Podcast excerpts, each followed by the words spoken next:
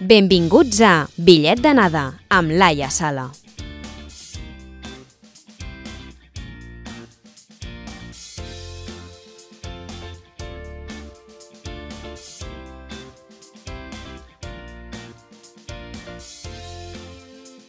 Salutacions i benvinguts i benvingudes a tots aquells que ens escolteu a Bitllet d'anada, el programa radiofònic que pretén descobrir nous mons i deixar els prejudicis de costat. Us parla Laia Sala, però aquí en aquest estudi virtual que ens hem muntat tenim a la Mireia Llats, Hola. a la Núria Gandia, a la Hola! Míriam Marta i a la Hola! Hola.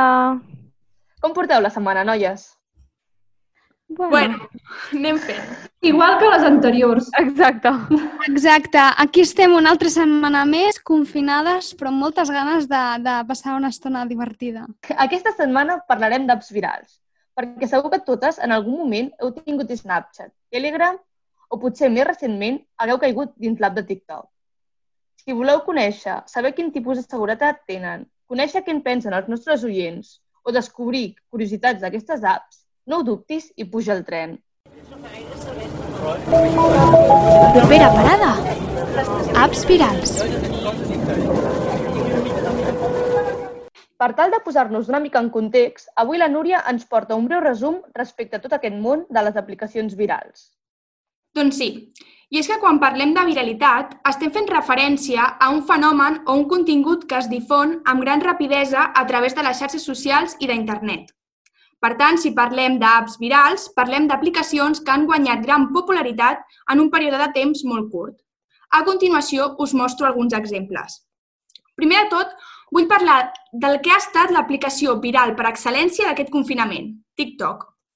TikTok és una plataforma gratuïta per crear i compartir vídeos curts, propietat de l'empresa xinesa ByteDance, que llançada al mercat l'any 2016, sota el nom de Douyin. La viralitat d'aquesta app arriba quan en poc menys d'un any ja comptava amb més de 100 milions d'usuaris i més de 1.000 milions de vídeos vistos al dia. La seva popularitat, però, va créixer extremadament més quan al novembre del 2017 aquesta mateixa empresa va comprar Musical.ly, una altra aplicació que disposava d'uns continguts semblants. Actualment, TikTok ja no només és coneguda a Àsia i als Estats Units, sinó que està disponible en 150 mercats i en 75 idiomes. I perquè veieu la seva dimensió, l'any 2018 va comptar amb més, amb més de 500 milions d'usuaris a escala mundial. Una barbaritat. Un altre exemple d'app viral és Snapchat. Snapchat és una aplicació mòbil que permet penjar vídeos o fotografies les quals s'esborren automàticament al cap de 24 hores. El boom de popularitat de Snapchat data de l'any 2014, quan ja comptava amb més de 46 milions d'usuaris. Cal destacar, però, que aquesta aplicació ha anat a la baixa des del llançament dels Instagram Stories, una còpia exacta del concepte My Stories de Snapchat. Això ha fet que, per exemple, Espanya hagi perdut molta popularitat. No obstant, és important destacar com en altres països encara continua sent una aplicació molt seguida. D'aquí que l'any 2018 186 milions de persones estiguessin registrades.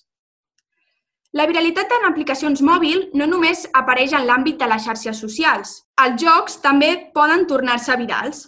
De fet, Mario Kart Tour es va convertir en el joc mòbil més descarregat de la història en la seva primera setmana d'estrena. El mític joc de Nintendo va aconseguir la increïble xifra de 90 milions de descàrregues en una sola setmana. Flipant. Però això no, no només es queda aquí. Un altre exemple de joc viral és Pokémon GO, un joc d'entreteniment que l'any 2017 va aconseguir 650 milions de descàrregues a nivell mundial. D'aquí que hi hagués una temporada en què tothom anava pel carrer amb el mòbil a la mà per si sorgia algun Pokémon. Us en recordeu d'aquesta temporada, noies? Sí, sí, Desgraciadament, molt viciada, sí. Eh? Jo era una de les persones que anava pel carrer amb el mòbil a la mà buscant Pokémons. Jo destacar que el primer Pokémon que et feien caçar era un ratpenat, que no el vaig caçar i als 5 minuts me la vaig desinstal·lar perquè em vaig ratllar, vaig dir, anda, m'estan timant i res, aquesta va ser la meva experiència amb Pokémon GO. Molt bé. Bueno, abans d'acabar, no puc deixar aquest mini resum sense parlar del que serien les dues aplicacions més, més populars perquè fa les apps mòbils. Instagram i Facebook. Totes dues aplicacions, ara propietàries de la mateixa empresa, disponen d'aproximadament 100.000 milions d'usuaris actius al mes, dels quals 500 milions ho fan de forma diària. No és d'estranyar, doncs, que qualsevol contingut que es pengi en aquestes xarxes s'acabi convertint en viral. En definitiva, existeixen centenars d'aplicacions mòbils que per algun motiu o altre s'han acabat convertint en apps viral. TikTok, Snapchat o Instagram són les més populars, però també trobem altres exemples com House Party, Telegram o Line. Dins l'actens munts de les aplicacions, no tots són flors i violes. Darrere les icones s'amaguen mil mites i avui procurarem desmuntar-ne desmuntar uns quants perquè estigueu més tranquil·les, o potser tot el contrari. Míriam, què descobrim avui? Doncs avui us vinc a destapar unes quantes incògnites que pudulen entorn a algunes aplicacions que s'han fet hipervirals, que segur que totes hem tingut alguna vegada o, si més no, hem sentit parlar d'elles. Comencem, doncs, parlant del nostre amic, estimat, germà, company TikTok, que ens ha acompanyat durant aquesta setmana. Sovint pensem que, com que es tracta d'una aplicació on es prioritza sobretot la música, la dansa o el fet de fer tonteries, com hem fet, doncs que l'utilitzen molts més adolescents que no pas altres franges d'edat. Sí que és cert que, que diversos estudis confirmen que el 48% dels usuaris es troben entre 16 i 21 anys, on ens incloem nosaltres, però l'altra meitat la comprenen altres franges d'edat. Per exemple, un 26% dels usuaris tenen entre 21 i 30 anys, cosa que a mi m'ha sorprès bastant. I inclús l'altre 26% restant tenen més de 31 anys. Que dius, hòstia, però si jo no los veo. Diu, doncs precisament per això. Tot i que sembla que els adolescents estiguin més actius en aquesta aplicació, la realitat és que no són la franja d'edat més abundant. Vull dir, que tu entris a TikTok i només vegis a, a nens petits fent coses estranyes, no vol dir que siguin, doncs, els que, els que més espai muntat tenen allà dins, diguéssim. Llavors, seguim amb una aplicació que potser no ens ve a la ment si parlem d'aplicacions virals, vale? perquè, per exemple, si us dic Pinterest, com reaccioneu? Jo, jo la conec bastant, però perquè, és a dir, hi ha, com, és de com, hi ha moltes coses i de decoració o manualitats impossibles que mai he fet. O, és bastant guai, eh? Jo la vaig tenir durant... Bueno, encara la tinc, però no l'utilitzo gaire. Va haver una temporada que l'utilitzava bastant. Són coses que, que no faràs mai a la teva vida, però no passa res. Jo trec els meus fons de pantalla de Pinterest, la veritat, Això del no. mòbil i de l'ordinador. Per exemple, l'utilitzo per, per agafar idees per regals d'amics invisibles, perquè a la meva colla ens ho correm molt i volen manual i aquestes coses i jo no tinc tanta imaginació, llavors Pinterest em serveix per això. Només direm Mireia. que és com la font, o sigui, la font que ens dona més, més fons i més idees per fer tot el contingut d'Instagram de bitllet d'anada. Bàsicament, és com nuestra fuente por excelencia. Muchas gracias, Pinterest. Bé, doncs podria semblar que Pinterest i l'èxit, és a dir, Pinterest i el concepte èxit serien com antònims, perquè com que té un funcionament totalment contrari i diferent al que té la típica xarxa social, sembla doncs difícil poder aconseguir tenir una bona recepció i, per tant, convertir-te en una persona, entre cometes, influent, no? Doncs la realitat és que és una app que, en comparació a totes les altres, et fa arribar abans a l'èxit. Per exemple, et permet tenir moltíssima presència i de forma molt, molt, molt ràpida perquè, doncs, estàs promocionant el teu perfil de forma molt fàcil. Per exemple, tu en un dia pots penjar 20 fotografies i això, doncs, si tenen bastant èxit, et poden col·locar bastant amunt. A més a més, en ser una plataforma que incentiva el fet de compartir contingut que es troba en línia, si aconsegueixes aportar continguts originals, encara que provinguin d'altres fonts, més endavant potser podràs començar a publicar els teus propis continguts, les teves pròpies creacions, perquè evidentment tot allò no està, no està hecho por Dios o por una fuerza extrahumana, sinó que són persones darrere les pantalles que es dediquen a, a fer totes aquestes cosetes que veiem. Així doncs, podràs compartir els teus propis dissenys i com que hi ha, comport... hi ha um, Podràs compartir els teus propis dissenys i com que ja comptaràs amb una mena d'exèrcit de gent que els encanten allò que penges, doncs acabaràs potser sent un usuari amb milions de seguidors, qui sap? Així que us animo a crear-vos un supercompte de Pinterest, perquè és entretinguda. L'altre explico que l'altre... Jo tinc Pinterest sincerament, des de fa molt temps, no tinc ni punyetera idea de com funciona encara. Sí que si los tablones, si les fotos... mm, Sincerament no sé. I com m'arriba la notificació que mi PIN había sido añadido al tablón de no sé qué usuario. I dic, ah, la cosa és que jo allò no ho vaig penjar. Jo no sé quin algoritme utilitza aquesta aplicació, però va, era una fotografia que havia extret d'una altra persona i l'havia incorporat a un taulell meu. I, per últim, per acabar, hem de tenir en compte unes aplicacions que també són molt importants i que la gent doncs, s'arrisca la vida utilitzant-les perquè a vegades les fan com les seves aplicacions estrella. I són aquelles aplicacions sobre alimentació. Bé, per exemple, destaquem l'aplicació Yuka amb K, mm, perquè ellos lo valen, que es va fer molt, molt, molt, molt famosa mesos enrere perquè eh, es basava en que tu podies escanejar els codis de barres d'alguns aliments i et deia doncs, si eren bo o dolents per la salut. Bàsicament, si, si el pots consumir o l'has d'evitar per no tenir doncs, problemes. Com ho fan? Doncs bàsicament entenc que deu haver-hi un sistema configurat, evidentment, amb un ordinador, tal, aquells que creen l'aplicació, etc, etc, no entrarem en termes tecnològics, et tradueixen els ingredients que, que, que contenen i emeten un veredicte sobre quant de saludable és el producte. Però realment aquestes aplicacions són fiables? Resposta, que tots sabem, no. Evidentment que no. Està molt bé que tots volem doncs, anar més enllà, intentar tenir hàbits alimenticis, doncs, alimentaris, com es digui, doncs, més adequats, però evidentment, si volem canviar la nostra dieta, volem que sigui eh, millor, volem doncs, portar una vida més sana, hem de sempre doncs, recórrer a persones expertes, nutricionistes, dietistes, el que ens calgui. Entre d'altres coses, perquè en aquestes aplicacions sovint hi ha controvèrsies. I sovint hi ha controvèrsia amb el tema additius.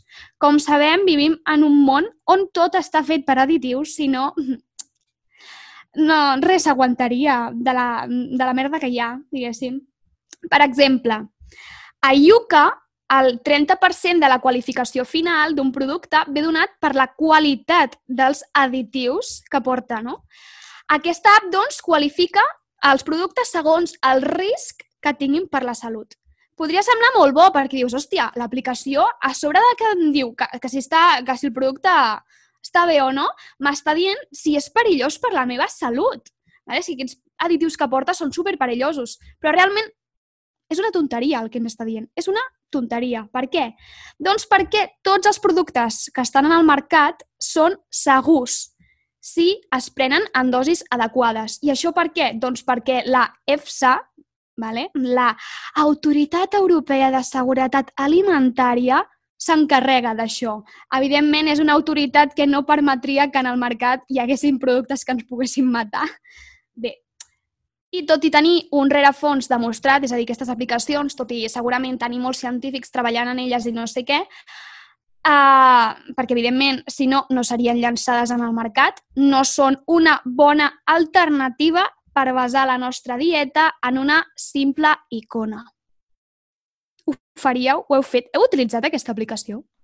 Jo Jo no sí. la coneixia, sincerament, no la Jo sí, Sí, coneixia, a mi em però... sonava el nom, però més enllà d'això no, no l'he utilitzat mai. regar i em vaig ratllar moltíssim perquè tot el que mm, en plan escanejava, buah, això és una puta merda, no t'ho mengis, buah, et moriràs, i vaig dir, mira, saps què, jo vull seguir tran menjant tranquil·la, adiós. A mi em va passar exactament igual que la Maria, en plan, passava de ratllar-me per la vida i vaig dir, mira, a prendre pel cul, en plan, bye bye, aplicació. Jo la vaig provar i tal, inclús vaig arribar a escanejar productes cosmètics, xampús i aquestes coses, i realment és com que la majoria de coses que m'han sortit estaven entre bueno, muy bueno, mmm, i coses així. O sigui, em, em va donar com un, pul, un plus de, oh, que bé que uau, em conservo superbé, utilitzo coses super... no sé què, no sé quantes, però va haver un punt que dic, no sé què estic fent, no sé per què estic fent això, vull dir, sincerament, estic bé, m'és igual el que porti i el que deixi de portar. Encara no m'he mort, així que seguirem consumint això. Crec que ets la primera persona que conec que no li sortia que tot era una puta merda. Però que a veure, jo, és que m'alimento bé, saps? Jo hi vaig Però al que- súper i dic, això no fa bona pinta, fora. No. Eh, però és que passava amb tot. El xampú, el que jo utilitzo, el vaig mirar i, bueno, a segons allò, m'hauria d'haver quedat calva ja fa 6 anys quan vaig començar a utilitzar-lo. Exacte. Tu, Míriam, que, que has dit cosmètica i tot això, que utilitzes allà? Coses super orgàniques i No tot sé, això, és que per començar em maquillo molt poc i el mínim que tinc, doncs intento que sigui d'una mínima qualitat per evitar, doncs, que la meva pell estigui a la merda. Així que, bueno. I tu, Núria, tot mal, també? Todo mal. plan, no, no, és que em vaig ratllar molt i vaig dir, vinga, hasta luego. Bueno, és que a veure, això no entra al tema, però si alguna vegada sortiu de festa amb la Núria, està una hora per maquillar-se, perquè porta tots els potingues, habidos i por haver. Evidentment que allò no li pot sortir eh, positiu perquè... Para presumir hay que sufrir, no? Pues ja està. Estan caient per totes bandes, eh, noi? Ja, ja, pareu ja. Passem, continuem amb la secció. Malauradament, aquesta setmana no hi haurà entrevista, però la Maria ens porta declaracions de testimonis. És així? Doncs sí, de fet, si no recordo malament, ja la setmana passada a l'últim programa us vam explicar que degut a la situació actual no es podran fer les entrevistes a experts com feien fins ara a Plató i eh, haurem de fer entrevistes a testimonis bé via Skype o amb àudios que ens han enviat els nostres oients molt amablement i des d'aquí els donem les gràcies. Llavors, aquesta setmana serà això, seran els àudios de testimonis. A començaré amb les aplicacions, o sigui, amb l'aplicació que hem mencionat més en tot el programa i que és la que hem utilitzat nosaltres pel repte, que és TikTok. Llavors, la majoria de gent, quan no havia utilitzat encara TikTok, tenia la percepció una mica dolenta, que de fet la Míriam l'ha explicat durant els mites, perquè això, tothom pensava que era per nens, per adolescents, per... Mm, fins i tot eh, algú ens ha dit que era per nens canis. No sé per què exactament, però bueno.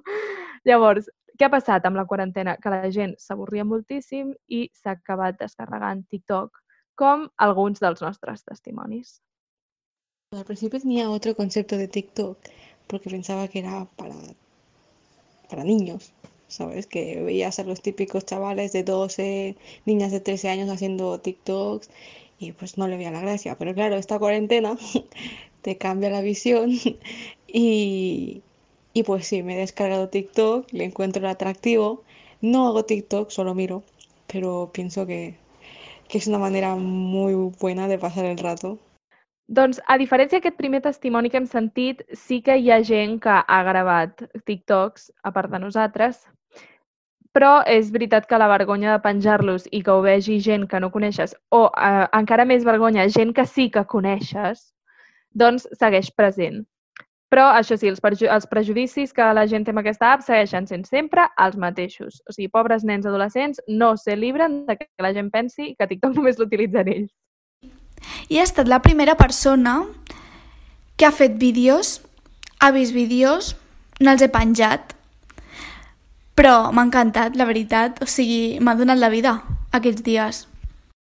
A part de TikTok, hi ha hagut moltíssimes altres apps que s'han fet virals i una d'elles ja hem parlat i és ni més ni menys que Snapchat. Qui no havia utilitzat Snapchat? O sigui, absolutament tothom tenia Snapchat. Per què? Per les llamites, els streaks, les ratxes, mm, com vulgueu dir-los. Allò que enviaves una foto cada dia a una persona, llavors quan portaves 3 o 4 dies et sortia una llamita allà al costat amb el número de dies consecutius que us havíeu estat enviant fotos. Era algo que el 90% de gent que utilitzava Snapchat o sigui, ho tenia, amb, almenys amb algun amic. Sí, i Que- cors, et sortien cors. A mi Exacte. acumulant, et sortien cors. Era molt. Efectivament. Quan el- portaves molt temps parlant amb algú, aquell algú es convertia com en tu mejor amigo de Snapchat o alguna així, et sortia un cor vermell, hi havia, bueno, hi havia de tot, absolutament. Una cosa, és que estic flipant. Crec que no he experimentat la mateixa aplicació que vosaltres, t'ho juro. No havies tingut mai ratxes amb ningú? Bueno, doncs eh, hem, acabem de trobar l'única persona del món que no havia tingut ratxes amb els seus amics. No tenies amics, Míriam. sí que tenia amics, però no estava 24 hores enviant-los fotos, sincerament. Ja, ja. era patètic, això dels cors i les llamites. Què és esto? Què és Era esto? una foto al dia. Un cop al dia, un cop al dia ja, ja, ja se't guardava a la llamita. Però bueno, la cosa és que almenys a Espanya, no sé altres països perquè no hi he viscut mai, llavors no sé dir-vos, però a Espanya pràcticament ja ningú fa servir Snapchat com el nostre testimoni.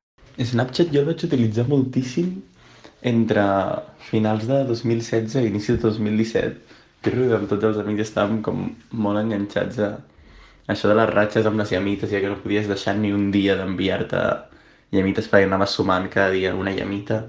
Però és veritat que no tothom utilitzava Snapchat només per les ratxes i amites, com, vulgueu dir, com els hi vulgueu dir. Hi havia moltíssima gent que era addicta, però addicta de passar-se hores provant els filtres. Perquè hi havia el gosset, el mític gosset que quan obries la boca treia la llengua, que en realitat era, o sigui, si tu mires en perspectiva, era bastant raro i bastant lleig, però ens encantava. També hi havia el típic de canviar-te la cara amb algú, et posaves allà amb els teus amics, ah, mira que fea eres con mi cara, saps? Coses així que, no sé, era algo que em semblava extremadament divertit. I és que aquests filtres encara existeixen, per molt que ningú ho sàpiga, perquè ningú té ja l'aplicació, però segueixen existint i hi ha molta gent que encara no els ha oblidat. Jo també utilitzo aquest Snapchat per als filtres que et pot donar perquè la veritat és que n'hi ha alguns que són de molt guais que, que això Instagram no ho té i això també mm, se li ha de donar una importància i jo crec que la majoria de gent ara mateix té Snapchat pels filtres i després pengen la fotografia als Instastories. Llavors, no sé si recordeu com van ser els dies posteriors a la sentència, a la, o sigui, els dies posteriors a la sortida de la sentència van ser una locura i quina va ser la per excel·lència durant aquells dies? Efectivament, Telegram. Tothom va sentir, o sigui, absolutament tothom va sentir parlar d'aquesta aplicació en algun moment d'aquells dies, d'aquelles setmanes. La cosa és, abans d'això ja existia aquesta aplicació, per molt que la gent no sapigués què era, però clar, és, ningú la utilitzava pràcticament perquè és, no és complicada, però a la gent li sembla molt complicada. La cosa, el nostre següent testimoni sí que la coneixia i de fet feia dos anys que se l'havia descarregat abans de que sortís tot el tema de la sentència. Però s'ha de dir que l'ús que li donava doncs, era bastant limitat i entrava tot en el mateix tema del procés, l'independentisme i tot. Em, jo l'aplicació de Telegram me la vaig descarregar el 20 de setembre del 2017, quan es produeixen l'entrada de la Guàrdia Civil al Departament d'Economia, em, i després l'he anat utilitzant em, al llarg de les diverses mobilitzacions per enterar-me de, de quan es produïen manifestacions o, o es celebrava alguna, algun acte, Em, però l'he utilitzat, utilitzat exclusivament per això i més enllà d'aquesta utilitat no, no n'hi he trobat d'altres. Llavors, sí que hi ha gent que no només l'utilitzava per aquest tema i l'utilitzava per altres coses com seguir a bandes de música. Hi ha gent que ho utilitza per seguir el CPC a la seva facultat, de les seves universitats, perquè allà pengen comunicats i notícies. Llavors, per acabar, no us vull parlar d'una app en concret, sinó d'un conjunt d'apps que possiblement han sigut les apps més utilitzades aquests últims mesos, que són, efectivament, sorpresa, sorpresa, les apps de videotrucades.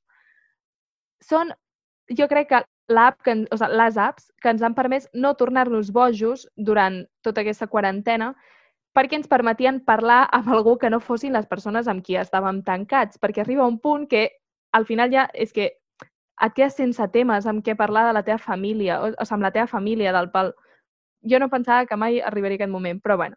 Llavors, hi ha gent que ha utilitzat noves aplicacions, però sembla ser que Skype segueix sent l'aplicació pues, per excel·lència, la típica i la que tothom utilitza. Durante esta cuarentena sí me he descargado una, eh, una aplicación de videollamadas. Eh, se llama Discord, no me acuerdo, pero sí. No sabía su existencia hasta que un amigo me dijo que me la descargara. Y la verdad es que muy bien. No la cambiaría por Skype porque pienso que Skype está bastante bien, que cumple todas las funciones, pero, pero bueno, por probar una, una app nueva. Llavors, hi ha altres persones que han en canvi, han utilitzat una infinitat de noves aplicacions, perquè jo crec que són aplicacions que deurien ser fantasmes abans i que ningú ho coneixia, però ara de cop n'hi ha 800.000. I hi ha gent que ha decidit deixar Skype en segon pla perquè no els agrada, perquè no els hi va bé, perquè és, està antiquada, jo què sé. I eh, doncs han començat a utilitzar moltíssimes altres aplicacions. A més, les utilitzen totes. O sigui, no és allò que dius, bueno, tinc una mica utilitza aquesta, una mica utilitza l'altra. No, és una sola persona que utilitza 87 aplicacions diferents no se sap per què, com el nostre proper testimoni. D'aplicacions de videotrucades, tot i que en feia poques, normalment feia servir Skype, però en aquest confinament m'he instal·lat Zoom i he fet servir Microsoft Teams per la universitat, el Google Meet o Jitsi. Doncs bé, fins aquí les declaracions dels testimonis. Des d'aquí volem agrair, bueno, ho dic jo, però és de part de totes les col·laboradores del programa. Volem agrair moltíssim que participeu i que ens ajudeu a fer aquestes seccions, perquè sense vosaltres seria un drama, no podríem fer res, així que de veritat, de nou, moltíssimes gràcies.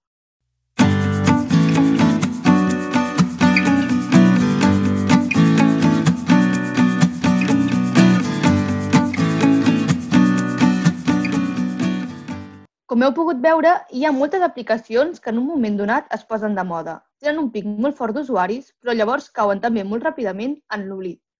A vegades pot ser perquè simplement apareix una aplicació millor que la substitueix, perquè realment no té la utilitat que la gent esperava d'ella o perquè al final tampoc agradava tant com semblava. Altres vegades, però, hi ha qüestions de seguretat que s'hi amaguen al darrere. Oi, Mireia? Doncs sí, com bé dius, sovint aquestes aplicacions es popularitzen tan ràpidament que Tenen llavors un punt dèbil en seguretat, algú que no s'havia previst. I jo he volgut buscar notícies respecte a aquest tema perquè sí que és cert que algunes de les aplicacions que hem parlat doncs, han tingut polèmiques respecte a la seguretat. I és que, no sé si recordareu, però a l'inici de la quarantena, i bé, de fet ho hem dit, molta gent es va instal·lar el House Party, que ràpidament va substituir doncs, altres aplicacions com era l'Skype o bé, altres aplicacions de videotrucada.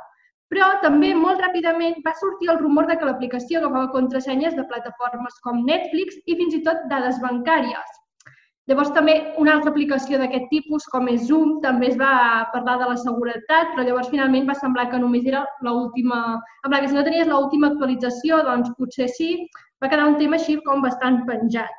Però amb House Party sí que hi ha moltes notícies que, això no és el desmuntant mites, però desmenteixen que l'aplicació tingui, tingui problemes de seguretat. I és que hi ha diverses notícies que diuen que en realitat l'aplicació és segura i que tots aquests rumors són només una campanya de difamació que, a més a més, molt possiblement és pagada. I, de fet, la pròpia companyia de House Party va fer un tuit dient que recompensaria amb un milió de dòlars a la persona que portés proves de que tot plegat doncs, es tractava d'una campanya. Cosa que, clar, que igual algú pot pensar, doncs igual l'empresa vol donar una bona imatge, realment no és així, però mm, a la revista Byte, eh, l'expert en ciberseguretat Graham Cluley, o com es digui el, aquest bon senyor, doncs va explicar que realment aquesta aplicació, quan te la baixaves, et demanava uns permisos que no, no, permetien, no, si no li permetien accedir a dades com les que deien que s'estaven extraient. En plan, no, no podia accedir a informació sobre aplicacions com Netflix o Spotify i realment també aquest senyor va investigar de que si Netflix, Spotify o aplicacions bancàries havien fet algun tipus de denúncia de s'estan posant a les nostres aplicacions i no és així. Per tant, tot apunta que aquesta aplicació, que el House Party, realment és segura. Una aplicació, però, que no té la mateixa sort és una que coneixem molt de prop, que és TikTok.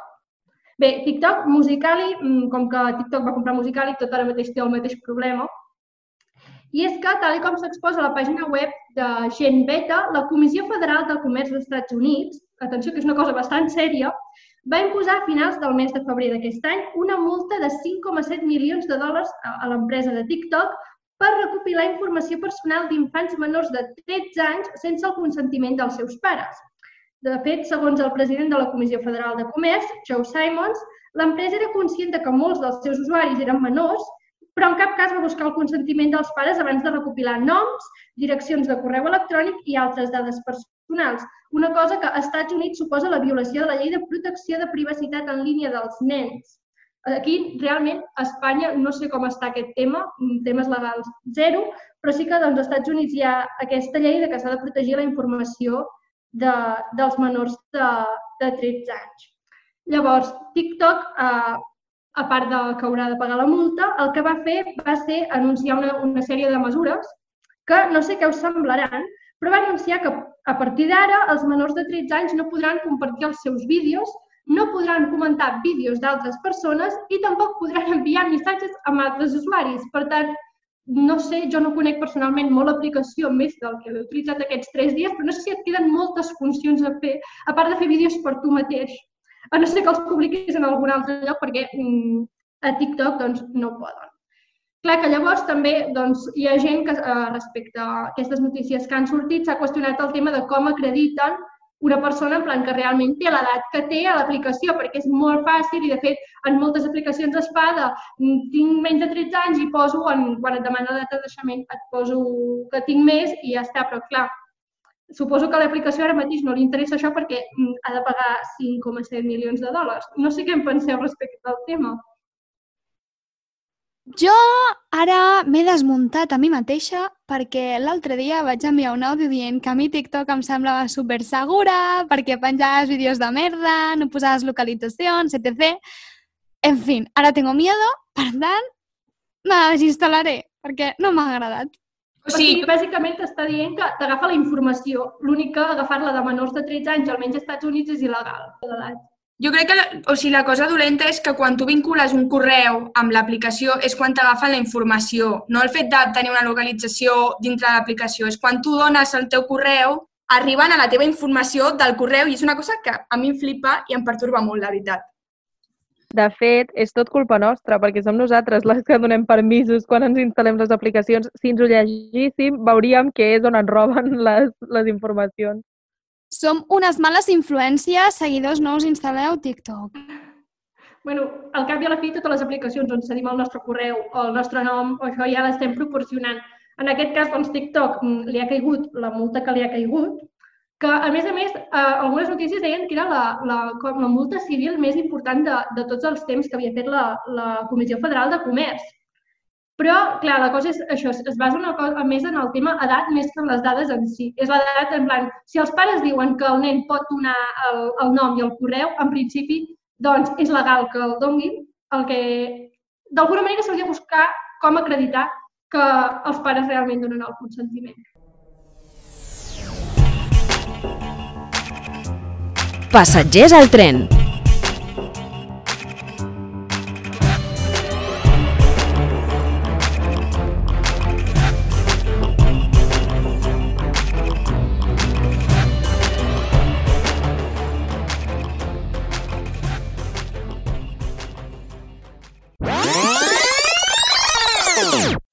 Sincerament, amb el TikTok d'avui he arribat a un punt que m'he preguntat si és que era boomer perquè no sabia com ajuntar dos vídeos.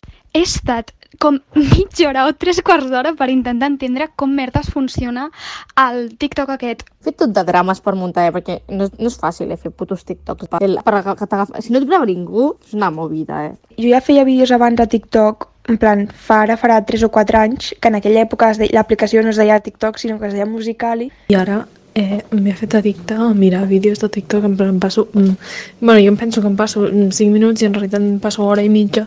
Crec que hi ha hagut una baralla en un dels meus vídeos, als comentaris, vale? La veritat és que a, a mi personalment doncs, m'està agradant molt perquè, no sé, és com molt entretingut fer vídeos i tal, i a mi que m'agrada fer com molt, en plan, així com de conya... A mi em fa, em fa com bastanta cosa fer aquestes coses perquè tinc vergüenza ajena de mi mateixa. Ara, cada cop que veig alguna graciós penso, o sigui, em guardo en plan l'àudio o el, el filtro, el que sigui que utilitzen com per recrear-lo. Sí que és cert que hi ha com dos perfils, els que ho fan per broma i els altres que ho fan així modo bailes i coses com molt preparades. Aquesta setmana ens hem endinsat dins el món de TikTok. Hem fet TikToks, fent una mica el ridícul potser, i també hem conegut una mica els usuaris que ronden per aquest peculiar món. Per cert, crec que parlo en nom de totes quan dic que ens n'hem sortit prou bé, no? Què hi teniu a dir? A veure, jo, eh, la veritat és que al principi, quan vam dir hem de gravar TikToks, vaig pensar, mare de Déu santíssima, on m'he ficat? Perquè mm, a mi em feia molta vergonya. Però, i clar, jo no me l'havia descarregat, me'l vaig descarregar i veia una fauna por ahí que dic, mm, jo què pinto aquí? Però bueno, no ha estat malament. Jo, sincerament, haig de dir que sóc una professional de TikTok, eh? I ja ho reconec, seguidors, sóc la puta ama, soc una superbé, i, vamos, tinc tres màsters. Perdóname que dude, gracias. Vull dir, és que, madre mía. Ojalà, és que tant de bo la Núria tingués el perfil obert perquè poguessi veure les seves creacions de fa anys. Tant de bo, o sea... Jo vull dir que estic una mica com la Maria. eh? Jo, jo, jo de veritat, quan vaig saber que tocava TikTok, em va agafar alguna cosa, perquè t'ho juro que jo em passava malament. Dic, aviam què faig ara? A mi és que, això, ma germana, per exemple, que sí que fa TikToks i és experta en TikTok, ballava. Jo dic, és que com hagi de ballar, jo em moro, potser. A mi em va passar el mateix i, de fet, eh, ho vaig dir pel grup de WhatsApp que tenim totes, vaig dir com haguem de ballar i jo tinc un problema, perquè, un, no sé ballar, dos, mm, o sigui, tinc la meitat del meu cos fet una puta merda i a la que intento moure possiblement em parteixi 27 ossos diferents i, i va ser, jo vaig passar por de veritat, o sigui, de dir, com em facin ballar, jo, jo deixo el programa. Jo estava o sigui, super, super animada, tenia moltes ganes de provar aquesta app perquè veia que tothom, o sigui, molta gent utilitzava aquesta app per fer gilipollades i em venia molt de gust fer tonteries durant la quarantena i la veritat és que m'ho he passat molt bé, inclús m'estic plantejant eh, de tant en tant obrir el TikTok i fer alguna tonteria d'aquestes, perquè realment no sé, en plan, si vas amb aquesta actitud de fer la gracieta, si no vas amb aquella actitud de maquilladíssimo, i hasta, vamos, hasta los topes, a fer en plan balls així estranys i TikToks que només serveixen per exhibir, doncs Clar, jo és el que anava a dir. O sigui, en aquest grup hi havia com dos tipus de persones. La Míriam i la Núria superanimades, però clar, la Núria sí, té el màster i té tota la formació en TikTok, doncs normal, volia exhibir doncs, aquestes, aquests coneixements que té. I llavors hi havia l'altre, en plan, Tim, que era amb la Laia, la Maria i jo, que estàvem en plan, no vull fer això, jo no vull que la gent em vegin fer el ridícul, i ja està. Però bé, almenys jo, almenys jo, he de dir que m'ho he acabat buscant i tal, i, i està, en plan, bé, sin más, sin más. Eh, perdó, però Mireia, ets una hipòcrita, vull dir que no tenies ganes ni nada, i llavors eres la que més t'arreglaves, que es va posar fins i tot texans per fer els TikToks, Ja, però ja, què és això? locos, i llavors la resta sortint amb unes pintes de, de por dioseres. Bueno, la Núria ja la deixem estar perquè faci el que faci va maquilladíssima, així que no passa nada. Sisplau, deixeu-me contestar aquest atac tan gratuït. Uh, perdona, no, jo ja anava amb els texans posats, no em vaig arreglar per fer el TikTok, que és el pitjor. ¿A qué abro el WhatsApp? ¡Lo abro! Saca- ¿Abrimos el cajón de mierda? Abrimos no, no. No, no obrim cajón de mierda. Jo he de dir, sincerament, que el TikTok de, de l'últim que vam fer, el que sortim totes, em vaig posar texans, però com no eren negres, no es notaven. He de dir que un dels TikToks el vaig fer, em vaig posar la samarreta, de, una samarreta de vestir, però he de dir que no portava pantalons, anava amb calces. Ah, doncs que bé, que ideal. Com no, no feia res, vaig dir, m'arreglo pues, la meitat, saps? La part que es veurà. Però era un drama, el panorama de jo gravant TikToks, no sé vosaltres, però és que jo, o sigui, jo dic, com entri algú de la meva família es pensa que soc tonta. A mi em passava que des, o sigui, desendreçava l'habitació heavyment del pal, em treia sudaderes, samarretes, que si una tovallola, les ulleres... Vamos, deixava l'habitació bonita. Va, a mi em va costar molt el tema de, de muntar rotllo. Si ningú et gravava, dir, com ho feies? Perquè t'havies de muntar com el trípode allà. En plan, bueno, a mi em va passar perquè vaig fer un TikTok amb la meva germana i vaig tindre un drama per, per posar la càmera, perquè s'agafés, perquè ens veiéssim les dues. Tot mal. Jo, és que jo pensava que seria una aplicació així fàcil d'utilitzar, no sé què. Arriba el primer dia, va i agafo un TikTok on surten dues persones. Dic, bueno, primer et gravaràs fent una cosa, després et gravaràs fent l'altra. Pues, sincerament, això no sé si es pot fer, però bueno, la qüestió, vaig estar-me tres quarts d'hora, literal, intentant replicar um, aquell TikTok. Què passa? Que eren dues persones i per fer el mare-filla, doncs, en un portava una cua i l'altre no feia la cua. Bé, eren fragments de 3 segons. Vull dir, vaig estar-me com... Vaig canviar-me de posició 15 vegades, em vaig fer la cua i desfer-la 15 vegades. Al final va quedar una cotrada, però de veritat, vas, vaig, vaig, va arribar un moment que em vaig estar bloquejar. Vaig començar a tocar botons i dic, però es pot saber com funciona això? Vull dir, és que no en tenia ni punyetera idea. Jo, de fet, també vaig tenir problemes amb el TikTok del segon dia on se'm veia amb el cabell llarg, llavors amb el cabell curt. Vaig gravar, evidentment, la primera part abans de tallar-me el cabell i després, doncs, quan vaig tallar el cabell, vaig gravar la segona. Doncs, quan ho volia juntar, jo no sé si és que sóc molt boomer en aquest sentit, amb aquesta aplicació, no se'm quadraven els temps. Es ficava predeterminat 3 segons un i 2 segons l'altre i havia de ser al revés i no hi havia manera de canviar-ho. I, bueno, si voleu saber com ho vaig solucionar, doncs vaig eh, guardar-me dos cops al mòbil el primer vídeo, el vaig posar dos cops intentant que no es notés molt el tall i llavors un cop el segon vídeo i així va quedar. Vull dir, ni tan mal, però em vaig sentir molt boomer. Ho vas muntar bastant bé. Jo he de dir que ho vaig passar fatal amb el primer, perquè és el que era de la meva gossa, i les que l'heu conegut sabeu que no és una gossa massa simpàtica, precisament. Com que les, els que l'hem conegut? Pues sí, aquí l'ha conegut tot Déu ja. Entre Bueno. vos y otras le hemos conocido todos, o sea... Els que, les que l'heu conegut en persona i l'heu vist en vivo i en directo, és una gossa pues, que no li agrada molt que la gent la toqui, sobretot si aquesta gent sóc jo. I va ser un drama, o sigui, aconseguir posar-li allò al cap. Bueno, primer de tot, dibuixar allò i pintar-ho, que em vaig passar possiblement una hora. Però després, aconseguir posar-li allò al cap, que no em mossegués, que no s'ho traiés, que no m'ho trenqués, bueno, un drama. Simplement no tingueu gossos. Clar, jo aquí haig de dir que del pal jo jugava amb avantatge i és que jo ja havia fet musicalis i clar, jo ja sabia com funcionava tot. Eh, eh, però és que, és que clar, o sea, el, el nivell, eh, o sea, tenen un nivell de la hòstia, els, els TikToks antics de la, de la Núria de la hòstia. Un màster, ja us ho he dit, que tenia jo un màster en TikToks. Però ah, jo haig de dir que la- l'aplicació ha canviat molt, eh? En plan, tot això dels efectos i aquestes coses rares no existien fa quatre anys, eh? Ha canviat molt. Jo només vull dir que si tan experta ets, tan en saig, que ens ho mostris, que ho mostris en els nostres uh, oients, si us plau. O sigui, no es pot quedar, si tant talent tens en aquest sentit, no es pot quedar només entre nosaltres. Tendremos a la nueva TikToker, és que a sobre té el perfil privat, vull dir... Així, Això no pot com, ser. com vols ser ser influencer? o sigui, no vas per bon camí, no vas per bon camí. Bueno, No arribaran als Nuri 30, eh, en aquest pas. Nuri 40, ja. Posats a fer. Doncs eh, una de les coses que ha passat a una de les integrants de Bitllet d'Anada, que aquesta és la Míriam, que és que es va aficionar a TikTok i va fer un TikTok per la seva banda i, bueno, no, s'ha aficionat a mitges, perquè veig. I no, aquest no està penjat a, a la contra de Bitllet d'Anada, sinó que podeu anar al seu TikTok, on hi és, potser, potser no està ni penjat allà, i la veritat és que va tindre una disputa en els comentaris. Vale. Què va passar, Míriam? Doncs bé, em va, sí, com has dit, em va agradar bastant la dinàmica de TikTok i tal, i em vaig passar una bona estona mirant TikToks. I vaig trobar un molt innocent que em va fer gràcia i dic, bueno, doncs mira, el faràs. És, és bàsicament una noia que apareix diverses vegades amb una ampolla d'aigua i diu aigua en diferents idiomes. Genial! Allà el penjo, super, que, que bé m'ha quedat, no sé què, a sobre vaig quadrar-ho tot perfecte això que estàs passant unes quantes hores, de cop rebo una notificació. Dic, què és esto? Una tia havia comentat al meu vídeo del cas. És que la gracieta de, del TikTok és que al final es diu aigua en francès, que tots sabem que és o, o com li vulgueu dir els francesos, però la tia ho feia com amb, uh, en plan, en fàstic, de potència. Això que una dona em comenta, pues no es así el francés, a ver si aprendemos. Jo, del pal, what? Però és que li seguia una altra contestació d'una tia que em deia no tienes ni idea, sí que és així. Jo, vale, genial, salseo, dues ties randoms que no conec de res, estan aquí. Dic, bueno, això es quedarà tal qual, jo hartant-me. El dia següent obro el mòbil i veig que la conversa havia seguit. Dic, què, què? A veure què ha passat.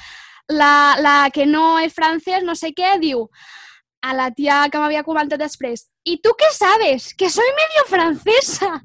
I jo, però què és esto? I és que va seguir la cosa. I l'altra li comenta, soy francesa, inteligente y se dice así, a ver si te informas. I jo ja, hartant-me, vaig començar, els hi vaig, us ho vaig passar a vosaltres, no sé què, i la Mari, molt innocentment, em va dir, et recomano que pengis un emoji d'una baguette, el pa típic de França, no? I ho vaig fer. Jo no sé si va ser per la baguette, si perquè es va arribar a un to una mica violent, agressiu, en el meu propi TikTok, que jo no havia fet res, però el dia següent els comentaris van desaparèixer. Jo vaig pensar, deu ser l'algoritme de TikTok que mm, quan passen unes hores doncs deuen marxar els comentaris, però és que en altres vídeos tinc comentaris i segueixen allà.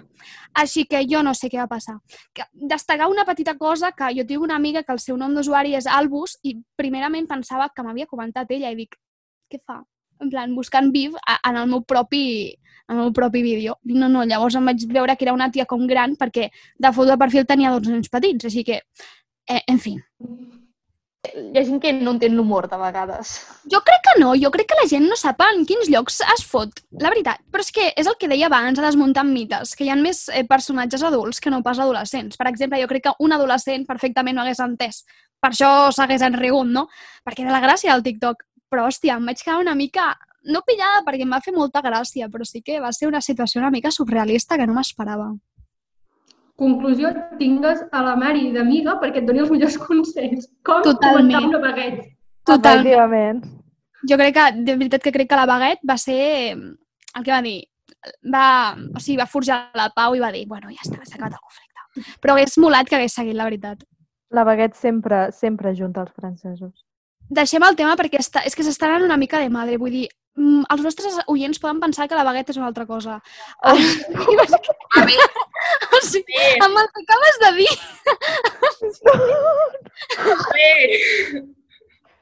Crec que no anava per allà, eh? Jo no m'he fet això.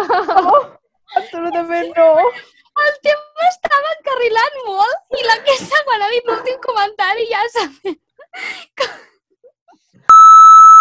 Vale, doncs jo us volia preguntar per una altra cosa, que és els algoritmes que us surten a vosaltres al TikTok, perquè jo us he de dir que al meu TikTok em surt cada cosa més rara, però cada cosa més rara que dic, no m'interessa això. És a dir, a mi, per exemple, van sortir hacks d'estudi, en plan, gent que fa hacks en plan, per poder copiar els exàmens, rotllo, posa els apunts a la finestra i t'ensenya allà hacks en plan, flipando, flipando. Jo en plan, what the fuck? Què he fet jo per mereixer això? Què us surt a vosaltres? a mi em sortia gent en plan, a veure com ho dic jo ara, en plan, com que no està bé del cap, en plan, una mica com, en plan, gent rara, molt rara, que feia TikToks en plan, que li queia la cara per aquí, i era una cosa que jo no entenia, en plan, sí, sí, en plan, molt raro, i gent que no tenia una cama, un braç, i jo, què està passant? En plan, jo passava... Serà molt... És per, segur que és per al TikTok que ens va enviar la Mireia on sortia un noi coix. A mi... Explica, Mireia, explica l'experiència, porfa. O sigui, jo no, uh, no he buscat gaire en el que surt al TikTok. A mi em surten molts bastant uh, tipus... Um, tipus tres, o sigui, com els catalans són així, plan, tenen aquests tres requisits, els no sé què són així. No sé per què em sortien moltes coses així. I clar, jo havia d'agafar idees per, per fer TikToks, perquè és que jo, com he dit, no... O sigui, passava de fer balls i coses gaire complicades i, i aquesta cosa jo no estava molt amunt. Llavors el que vaig fer va ser demanar a amigues que sí que tenen TikTok que m'empassessin, en plan, doneu-me idees perquè jo he de fer coses i no sé fer coses. I uh, un dels que em van passar, que potser era el més fàcil, era el recrear l'inici de les pel·lis Pixar. Què va? Que el vídeo era una persona coixa. Però, però, clar, o sigui, jo us el vaig compartir, possiblement, Núria, doncs, doncs per això et sortin els... Ho vaig passar molt mal. Aquests.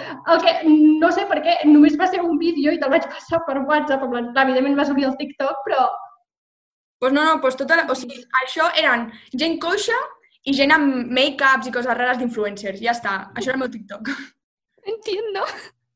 Jo, jo la veritat és que a mi em sortien el 90% vídeos de gossos, o sigui, TikToks de gossos, cosa que jo no em queixo en cap moment, vull dir, m'encanten.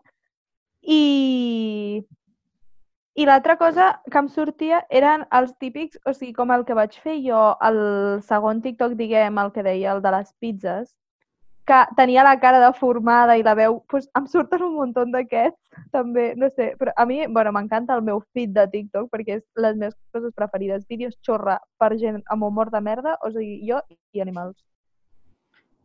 El, el meu fil realment és com molt variat, la veritat. Al principi sí que és cert que no sabia com funcionava, lo, no, no vaig veure lo de siguiendo a ti, no ho vaig veure, i tampoc sabia que si clicaves se tornava a recarregar tot i em vaig ratllar a vegades. Però amb una amiga vam veure que eh, realment molts seguidors, o sigui, si tu segueixes si tu t'has creat el compte de TikTok amb un cert correu, per exemple, jo me l'he me l'he creat amb el mateix que segueixo a la gent a, a YouTube, per exemple, doncs amb molts del TikTok que m'apareixien doncs eren de youtubers que jo seguia o de gent que, amigues meves, encara que no fossin a, a seguido, sinó a per a ti. Vull dir, que crec que hi ha a la correlació que dèiem abans entre el crear-te l'usuari amb el correu i tal i que t'apareguessin certes coses és bàsicament que t'estan allà agafant les dades de donde pueden. Que el que us volia demanar és si, si al, al vostre entorn estan molt viciaus a TikTok, perquè al meu entorn tothom és, és l'última moda, eh, TikTok. No fer-lo, sinó com riure's de les coses en plan deep TikTok, saps? D'aquest estil. Jo tinc una amiga que, o sigui, tenim un grup de WhatsApp que som ella, jo i un altre amic. I en total jo crec que en un dia potser rebem 20 missatges seus que són tot links de TikToks del plan super variats i tot en plan, mira, esta soy yo cuando hago no sé qué, esta es María cuando no sé cuántos, perquè més els hi troba com una correlació tots els TikToks amb nosaltres, o sigui, amb mi o amb el, amb el nostre amic. I és algo, o sigui, jo crec que es passa a, tot el dia al TikTok, perquè està treballant i què ens envia TikTok? Bueno, jo sí que tinc moltes amigues viciades, però del pal d'això de mirar només TikToks i tal, i després sí que tinc també amigues que s'han viciat a fer TikToks però no els pengen, eh? O sigui, això de penjar TikToks, com ja hem dit, la cosa queda com en un altre món, per la privacitat. Jo també tinc bastantes amigues, però que tenen el perfil um, o bé per observar, perquè diuen que és molt divertit, jajaja, jijiji, Míriam, instal·la-te'l i jo, no, no, no, no, no, no, no, no. Llavors, um, tinc algunes altres que fan TikToks. Una que fa TikToks, però, per exemple, no els fa per gaire de diversió, al contrari, és com molt, molt formaleta, molt jo no quiero passar vergüenza. Una altra que sí que els fa amb caràcter de vergüenza i una altra que le da per fer-les tots amb la seva germana. Tots els reptes habidos i por haver els té fets amb la seva germana. Així que, bueno, vas veient. Al meu grup uh, crec que només hi ha un parell de persones que tenen TikTok i el tenen també només per mirar què penja la gent i de tant en tant doncs, sí que pel grup de WhatsApp comenten, mireu aquest TikTok i això. I en alguns casos, quan hi ha hagut algun que ens ha fet molta gràcia, doncs diuen vinga, el recreem, el fem nosaltres. Mai s'ha fet. Això és una mica l'essència del meu grup. Mm, doncs així seguim. Oh, a mi això que deies, Mireia, em passa el mateix. L'únic que nosaltres ens ha pillat en quarantena i llavors ara és tot en plan, ens passa TikToks, això ho hem de recrear, no sé què, tots sabem que no ho recrearem perquè quan ens veiem doncs, el que no farem és fer TikTok. Però, però és molt típic, eh, això de, de sí, sí, sí, recrearem això. Per què poses sí, aquesta sí. cara? De fet, no Bé, sé... He tornat al tema de la baguette, perdó. Joder, la baguette. No, no, jo des d'aquí us vull animar en plan a que feu TikToks de festa. En plan... Ui, ui, ui, ui, ui, ui, ui, quin marde, quin marde. Pot ser un drama. És molt guai. Ja he publicat sense voler Instastories de festa i el dia següent m'he arrepentit, imagina't TikToks. O sigui, no. Eh, jo el problema és que amb lo complicat que és fer un TikTok, no sé com ho faria, en plan, no sé com me les arreglaria per aconseguir picar i no, no, no, no. Descartamos. Ja veureu. Però, a veure, els TikToks que hem fet han sigut molt graciosos. No sé, jo m'he Mm. divertit bastant veient-los. No sé. Sí, han estat bé. Sí. A més, són els típics que et reies dels teus propis, en plan. És que jo em, Totalment. em pagava unes rissaques amb els meus TikToks, xaval, que semblava tonta. Dius, ets, ets més tonta, per què fas això, nena? És que estàs Sí, fent? Dir, què estàs fent? Però bueno, en fi. Però això sí, és molt fàcil d'aconseguir visualitzacions i likes i tot de merdes, perquè Mm. a la que, o sigui, crec que tinc el TikTok de, de... Quin va ser? El de la Rosalia. Tinc 1.400 visualitzacions o alguna així. I dic, en què momento això passa? Perquè si no poses hashtags, no poses res i és com que les visites, no, no sé tampoc com et col·loquen en un lloc perquè, comencin a, a, perquè et comencin a veure molta gent. I em van explicar que es veu que en lo de mm, per a ti et pot sortir gent des de que tenen 0 likes fins a gent que tenen 27.000 likes. I és això. A mi això em sembla molt curiós perquè pots descobrir com a molta gent nova. Per exemple, com l'Explorer d'Instagram, però com que et van sorgint allà, doncs tu vas passant i, i vas descobrint i tal. No sé, és bastant, bastant estrany, la veritat. Jo vaig descobrir l'altre dia, no sé si us vau enterar, que es va fer viral un TikTok que era com una noia que li ensenyava al seu nòvio una foto d'una xavala que deia és guapa esta chica, ¿verdad? El xaval contestava que sí i llavors la noia li ensenyava que era un, un youtuber que és molt famós que es diu James Charles, que en plan es maquilla superbé i tal, que havia penjat una foto amb una perruca que semblava una noia. I en plan sortia això, que li ensenyava que era realment un tio i el, tio, el, el nòvio rentant-se la cara, bueno, una cosa super homòfoba, super transfoba. pues he descobert que la xavala anava al meu institut, a la classe del meu germà, i jo la Mel. conec. Clar, és a dir, us ho anava a dir, us heu trobat gent coneguda, però que, és a dir, que no són amics vostres, sinó rotllo, algú de l'Insti, coses així. Perquè jo sí, No. no va ser agradable, eh, l'experiència. No va Jo ser crec que agradable. no, no me'n recordo, però crec que no m'ha passat. Jo no. Jo sí, però perquè segueixo a gent del meu poble i suposo que ja l'algoritme pues, deu, ser, deu fer de les seves. Què tal l'experiència? Bueno, sin más. Bé. Sí, jo vaig ser un Pau del meu Insti i va ser, va ser, va ser una mica traumàtic, perquè ja no em queia molt bé. I Va ser, uf, que sí que fas fent el pera d'aquesta manera. És que no és ni graciós, és que... Oh, duríssim. Però bueno, millor que, millor que Tinder. Bé, doncs, donem el, el repte per acabat. L'hem superat, noies? Què creieu? Hombre, Ah, si l'hem superat. Moltíssim. Ens han quedat De de, calle, no? puta mare. O sigui, Moltíssim. Des del moment en què jo, que estava com en contra pràcticament de fer aquest repte, he acabat fent TikToks per amics, en plan que no s'han publicat, només en privat, però per amics. eh, eh, eh, Això- no ho sabíem, eh? Ja, ja, és fatal, eh, Mireia? Mm. Fatalíssim. O igual us el passo, no ho sé. Us animem des d'aquí a crear-vos TikTok i a experimentar el perdre la vergonya i el fer el pena. Hombre, ja. Doncs esperem que us hagin agradat els TikToks que hem publicat aquesta setmana i gràcies pel vostre suport, que sempre ens transmeteu des de xarxes i esperem que seguiu la setmana que ve en el Bascanvi. Canvi de via.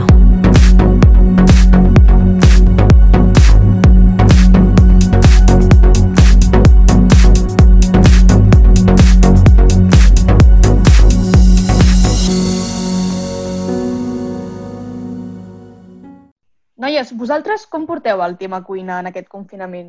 Us heu fet reposteres expertes? Feu el vostre propi pa?